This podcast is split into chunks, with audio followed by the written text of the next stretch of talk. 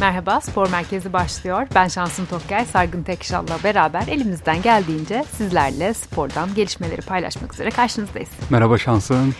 Ee, Sargın bugün şirketteydin tüm gün. Ben daha yeni geldim. Bir bana söyler misin neler oluyor spor dünyasında? Şaka bir yana. Bugün Ee, Merkez futbol... Hakem Kurulu'na böyle ışık tutalım. Evet, bugün Futbol Federasyonu hakemlik dünyasında devrim niteliğinde kararlar aldığını iddia ederek açıklamalar yaptı. Evet. Bakalım göreceğiz. Çok devrim gördük. İşleyişini görmek lazım. Üç tane ana madde var. İlki VAR kayıtları açıklanacak. Bu çok konuşuldu. Geçen sezon bu offside'ımsı olayıyla sembolleşen VAR kayıtlarının açıklanması konusu artık süreklilik haline gelecek ve her maçın açıklanacağını söyledi Mustafa Eroğut, Federasyon Yönetim Kurulu üyesi. İlki o.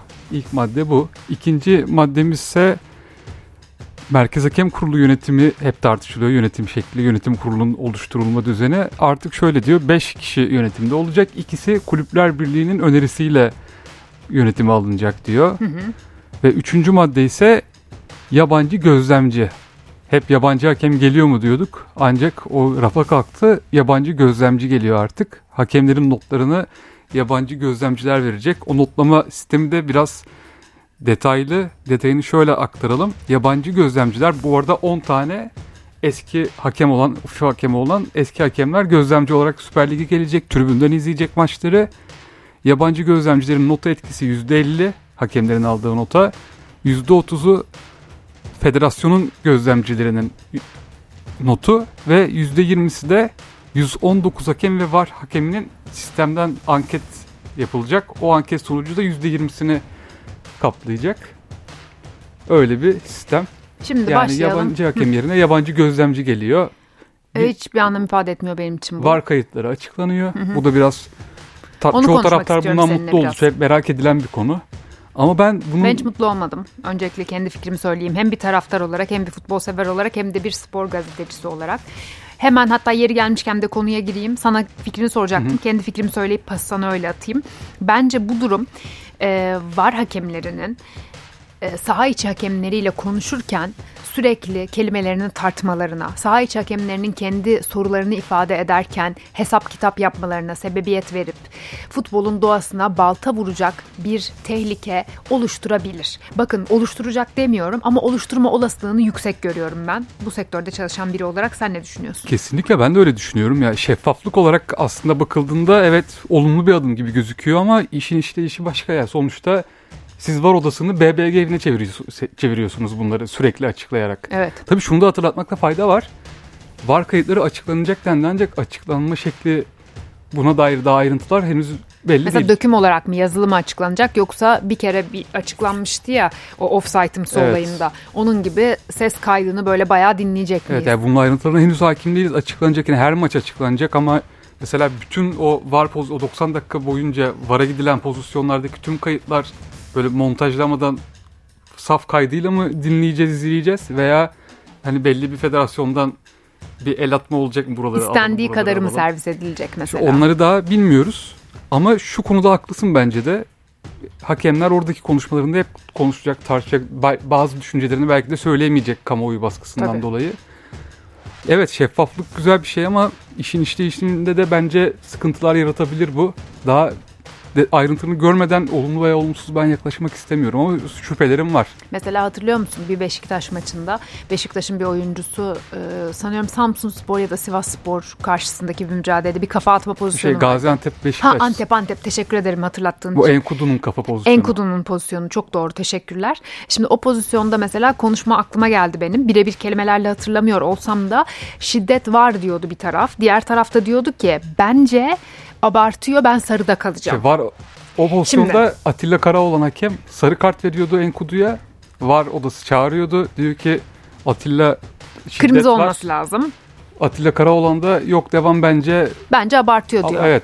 Bu arada ben Atilla Karaoğlu'na çok saygı duyuyorum yani. Hani adam öyle görmüş abi. Adam diyor ki ben saha içi hakemiyim. Bence diyor ki yere düşen oyuncu ya da kendini yere atan oyuncu. Nasılsa oyuncunun kafasının içinde değilim yani bilmiyorum. Abartıyor diyor. Olabilir. Ya bu hakemin işi bu zaten. Pozisyonları okumak, bağlamı okumak. Yani Ya zaten yanlış karar aldığı için de bir süre dinlendirilmişti. e tabi. Şimdi durum böyle olunca bir dahaki sefere e, bu e, kayıtların açıklanacağını bilen hakem belki de böyle diyemeyecek. Adam böyle inanacak. E tabii bir de şey şu var yani. Ama diyemeyecek bence yani. şunu çok iyi düşünmek tartmak lazım. Şimdi var odasında evet konuşuluyor. Evet şeffaflık güzel ne konuşulduğunu bilelim. A- ancak var odasındaki hakemler de şunu düşünecek. Artık her konuşma kamuoyuna lanse edilecek ve o büyük kulüplerin taraftar baskısından Of, kaçmak için evet, evet. hakemler orada gördüklerini söyle ya gözler görür ağızlar söylemez öyle bir durumda olabilir. Ya e, ben de bir büyük kulüp takımının taraftarıyım mesela. Hepimiz öyleyiz yani. Türkiye'de her doğan çocuk bir taraftar ailenin e, içine doğuyor ve bir şekilde ya annesinin babasının tuttuğu takımı tutuyor ya kendi seçiyor başka takım tutuyor. E sonuçta ben de kendimce o maçı izlerken taraflı bakabilirim bir olaya. Tuttuğum takıma, e, tuttuğum için o takımı daha çok mesela hak tanınsın isteyebilirim içgüdüsel bir şekilde ve sonra hakemin konuşmalarını da var kayıtlarından dinlediğimde yanlı bakabilirim yani bu çok ciddi bir tehlike. Ya bir de bu kayıtları sürekli açıklamak Hiç hoşuma sürekli gitmedi benim gündeme de getirecek. Yani bence hakem tartışmalarını daha da arttırabilir. Bana da öyle geldi. Bakalım göreceğiz. Bu arada inşallah haksız çıkarız ya. Mesela bunlar inşallah bizim Umarım. bugüne kadar yaşadığımız bazı travmalardan kaynaklı ön yargı dolu korkularımızdır. Ya ancak ya evet İnşallah öyledir yani. te- tecrübelerimizle yaşadıklarımızla öğrendiğimiz şeyler bunlar. Sonuçta mesela ilk VAR da geldiğinde şunu diyorduk. Aa ne güzel ikinci bir göz kontrol edecek ve hakemleri uyaracak hatalarda. Ama VAR'dan beri tartışmalar daha da arttı. Yani E şimdi mesela onun- VAR yokken orta hakemin çok skandal kararları oluyordu. 3 metrelik, 5 metrelik offside'ların verilmediği oluyordu o dönemlerde. Ancak şunu biliyordun orta hakemin orada karar. Şimdi VAR o işin içine girince orası eleştiriliyor. E şimdi VAR'da ne konuşuluyor oldu? Tamam hadi o da öğreneceğiz. E sürekli bir orada hani paranoyak bir ortam oluyor Türk futbolunda. Kim ne yapıyor? Evet. Kim neyi kazandırmak istiyor? E ne kadar şeffaf olsanız da bu bence daha da merak edilecek. zaten Babalos'un biliyorsun atamaları merak edilecek belki de bu konuşmaları öğrendikten sonra. o atamalar zaten da hep soru işareti zaten herkesin en önemli kafasında. olay o güven ortamını sağlamak. Mesela işte bu yabancı gözlemcide de öyle. Yabancı gözlemcinin %100 doğru not vereceğinden ne kadar eminiz? İşte o yüzden dedim az önce benim için hiçbir şey ifade etmiyor diye. Ya bence önemli olan işte o güven ortamını hem kulüpler hem taraftarlar hem futbolun aktörleri, federasyondakiler herkes bir birbirine bir güvenmeli öncelikle. Burada var kayıtlarının açıklanması işte yabancı gözlemci MHK yapısında kulüpler birliğinden üyeler daha doğrusu üyeler demeyelim de kulüpler birliğinin önerdiği kişiler gelecek. Önemli olan burada bir sisteme inanma, güvenme olgusunu yaratmak futbolunda. Bence federasyon ilk bunu yapmalı. Çünkü bu yenilikler de hep eleştirilebilir. Yani şüpheci yaklaşırsanız işte sürekli bir altında bir şeyler aranıyor. Bir taraf tutuluyor mu? Bizim hakkımız yeniyor mu? Bu hep konuşulacak. Önemli olan önce güveni yaratmak.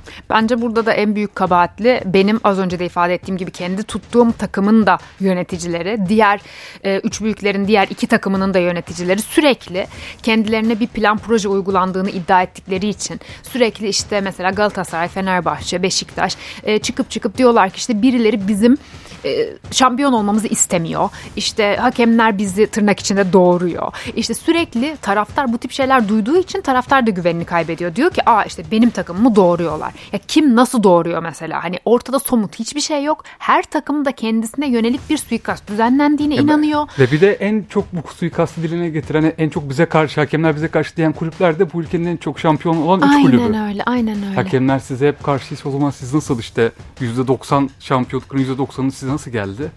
Şimdi bu, bu konuyu niye açtım? Ee, ben de yargılıyorum e, bu tip söylemleri. Çünkü bunlar bana da bir güvensizlik ortamı oluşturuyor. Senin tam da bahsettiğin o güven ortamı oluşmazsa ha yabancı gözlemci gelmiş, ha yabancı hakem gelmiş, ha ben var kayıtlarını dinlemişim. Fark etmez ya. Çünkü bunun nedeni benim güven ortamında bir futbol izleyemiyor olmam taraftar olarak. Yani yönetici de bana bunu sağlayamıyor, hakem de sağlayamıyor. Hakemler de insan ya. Hakem de mükemmel olmak. Ya senin demin dediğin hani 5 metreden offside'ı görmüyor dedin yani o kadar da abartmayalım ama hakemler de ufak tefek hatalar yapabilir. Yani reis 5 metreden de görürsün yani. Onu söylemiyorum yani.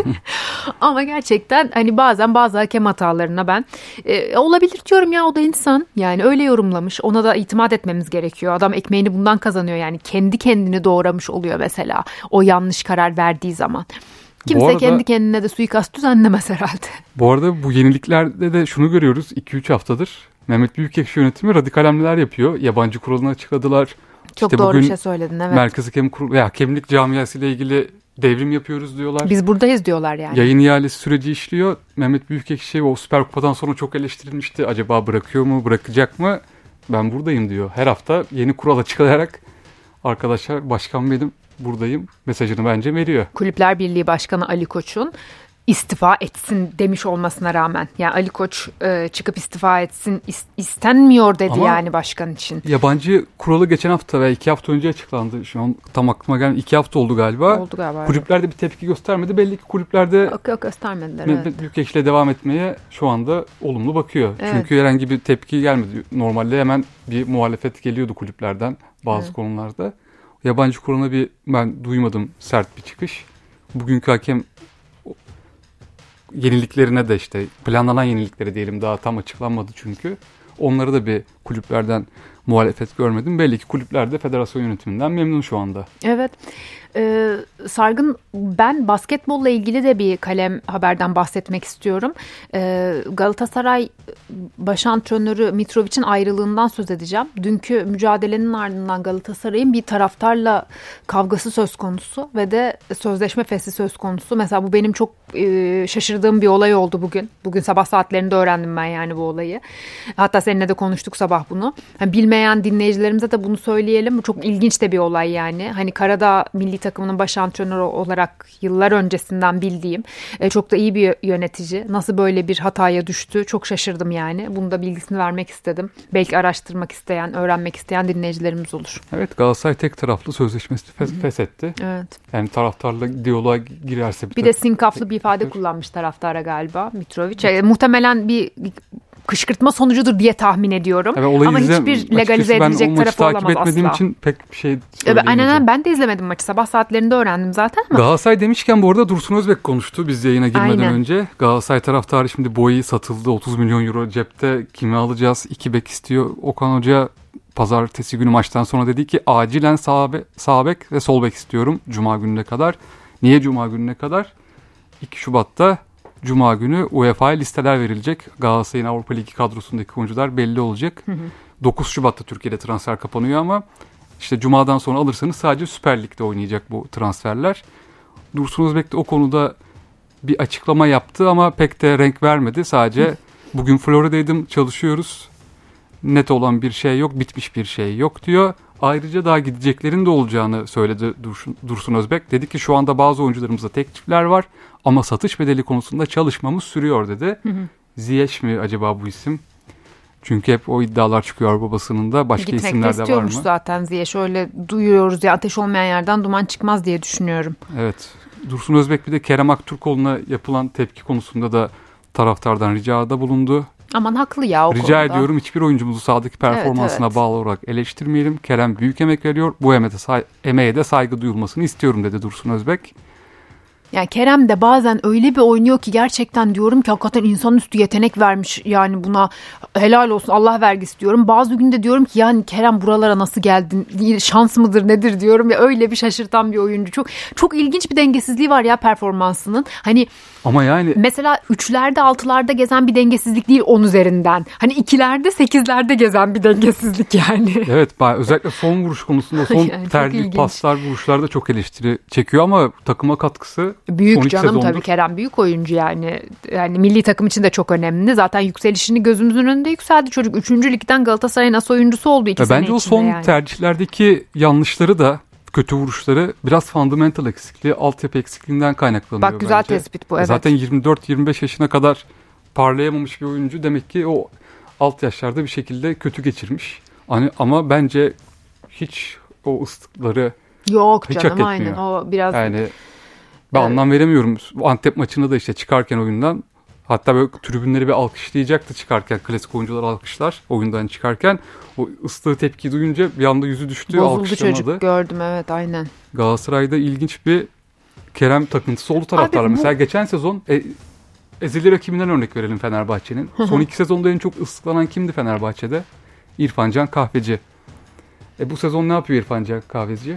Çoğu taraftarın sevgilisi durumuna geldi. Belki ıslıklayanlar iki sezondur. Bu sezon İrfan'ı en çok alkışlıyor. İrfan'a özel tezahürat yapıyor. Hı hı. Evet kendi oyuncusunu ıslıklamanın hiçbir getirisi yok taraftar. Evet ba- gerçekten bazı oyuncular umursamaz oluyor. İşte yabancılarda genelde bunu görüyoruz. E Beşiktaş'ta bu sene o ıslıklanmayı yani gerçekten... E, yani özellikle birini ıslıklayın demiyoruz ama ya çeken oyuncular vardı Evet ya. öyle söyleyeyim yani. On- Bakın hak eden demeyecektim. Yanlış anlaşılmasın. Hiç kimse ıslıklanmayı ve de kötü bir muameleye maruz kalmayı hak etmez. Ya tepki Ama bazen tepki gösterilmeyi çeken mıknatıs gibi çeken oyuncular gördüm ben Beşiktaş'ta bu sezon. Yani eli belinde koşmayan oyuncu vardı sahada yani bundan bir aya ve öncesine kadar. Santos gelmeden öncesine kadar yani. Ben taraftar olarak şunu hiç algılayamıyorum. Hani maç oynanırken takımını ıslıklamak bence Evet bu bu sadece Galatasaray O özelinde değil. Türkiye'de bu işareti. genel bir kanayan yara mesela bence. takıma destek olman gerekir, moral vermen gerekirken yani maçtan sonra belki ıslıkla işte sosyal medyadan hakaret olmadan yaz eleştir. Ama maç sırasında o tepkiyi ben pek anlayamıyorum. Bu çok yapılıyor ama biliyorsun üç büyüklerde, dört büyüklerde yani Anadolu kulüplerinde de bu yapılıyor. Bu, Bu var arada- bizim nedense bu Türk kültür, futbol kültürüne yerleşmiş bir şey yani. Bu arada son günlerde tepki gören isimlerden biri de Abubakar. Hızlıca bir Beşiktaş'a geçelim. Ya, haklı Abubakar yani. yine tepki şaşırtmadı ve Kamerun dönüşünde sağ, sahalara dönüşü uzadı. Kamerun elendi Afrika Kupası'ndan. Beşiktaş bugün bir açıklama yaptı. Abubakar'ın sakatlığı konusunda Kamerun milli takım bize eksik rapor verdi. Sakatlığı bize söylenenden daha ciddiymiş. En az iki hafta yok Abubakar. Abubakar da gerçekten çok soru işaretli. Bu arada Abubakar futbolcu. affedildi mi?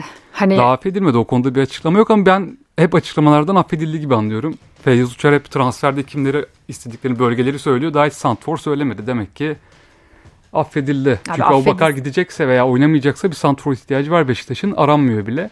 Belli ki Fernando Santos Samet Aybaba Fe- Feyyaz Uçar'a söyledi Abubakar'ı istiyorum. Bence çünkü açıklamalarda hep Fe- Santos Hoca ile konuşacak onu bekliyoruz deniyor. E Santfor arıyoruz demiyorsun. Demek ki Abubakar dönecek bir şekilde. Fenerbahçe'ye de hızlıca değinelim. Transfer Fenerbahçe'de ayrılıklar devam ediyor. Bugün Crespo, Rayo Vallecano'ya kiralandı. geç bile kalındı yani Sezon bence. sonuna kadar satın alma opsiyonu da olacak İspanyol ekibin. İsterse 4 milyon euroya 2024 yazında Crespo'yu transfer edebilecek. Emre Mor'u da Karagümrük istiyor. O da büyük ihtimalle kiralanacak eski takımına. Bir de Ryan Kent konusu var. Onu da Başakşehir istiyor. Ryan Kent çok ayrılmak istemiyordu şu ana kadar Fenerbahçe'den. Bakalım nasıl bir tutum sergileyecek bu görüşmelerde Ryan Kent. Çünkü kadroya giremeyecek Fenerbahçe'de. 14 yabancı arasında olamayacağı kesin gibi. Ya yani tribünde oturup maaşını alacak Fenerbahçe'de ya da Başakşehir'de oynayacak ya da başka bir kulüp. Ama Avrupa'da da transfer 2 gün sonra kapanıyor 2 Şubat'ta. Sanki Türkiye'de devam etmek zorunda Ryan Kent. Kariyerine öyle gözüküyor. Fenerbahçe'de bu şekilde. Bir de Serdar Dursun dönüyor galiba. İsmail Kartal yerli santfor demişti istiyoruz. Serdar Dursun olacak gibi yeniden. O da ilginç oldu sezon başında çünkü Serdar Dursun gönderildi, Umut Nayır alındı. Şimdi Umut Nayır kiralandı, Serdar Dursun bir daha geri geliyor. O da öyle bir transfer. Peki e, 2 Şubat'ta Türkiye'de pardon Avrupa'da transfer kapandıktan sonra Türkiye'de devam ederken bu transfer süreci e, Beşiktaş orada tırnak içinde kelepir oyuncu mu kovalayacak? Şimdi Fırsat az önce transferi. Bu bizim yani işte literatürümüze ilk senedir girdi. Federasyon ilk senedir yapıyor bu uygulamayı. Avrupa'da transfer kapandıktan bir hafta sonra daha bizde devam ediyor. Feyyaz Uçar öyle bir şeyler söyledi çünkü Evet. geçenlerde. Ya buradaki amaç şu. Avrupa'da kadro dışında kalan oyunculara, o rotasyon dışında kalan oyuncuları o uygun fiyata gelin bari biz oynatalım demek. Ama işte bazen de kötü oyuncu yine alıyorsun. Sadece transfer yapmak için transfer yapıyorsun. Ben çok da güvenilir bir dönem değil bence o son bir hafta. E şimdi Beşiktaş kimi alacak o zaman? Hangi pozisyonlara mesela ihtiyacı var? Önce onu konuşalım. Feyyaz- Hadi almadın. Önce Feyyaz, kimseyi Feyyaz almadın. Uçar hep şunu söylüyor. Stoper 6 numara 10 numara arıyoruz. Aynen. Daha her- herhangi bir hamle yok.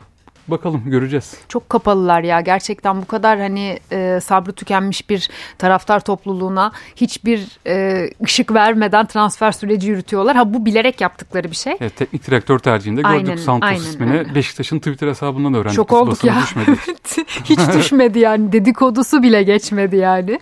İlginç. E, şey Galatasaray'ın gündemini konuştuk. Fenerbahçe'yi konuştuk. Galatasaray'ın transfer gündemini konuştuk mu? konuşmadık. Yani Dursun Özbek açıklamasını aktardık. Dursun Doğru. Özbek bir şey söylemedi. Bir şey söylemediği için konuşamadık fazla. devam ediyor dedi. Aynen.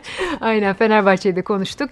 E artık o zaman yavaş yavaş bize müsaade bugünlük diyelim. E malum e, süreç 9 Şubat'a kadar devam edecek. Biz de her gün takımlardan kimler gitti kimler kaldı sizlerle paylaşmaya devam edeceğiz. Hoşçakalın.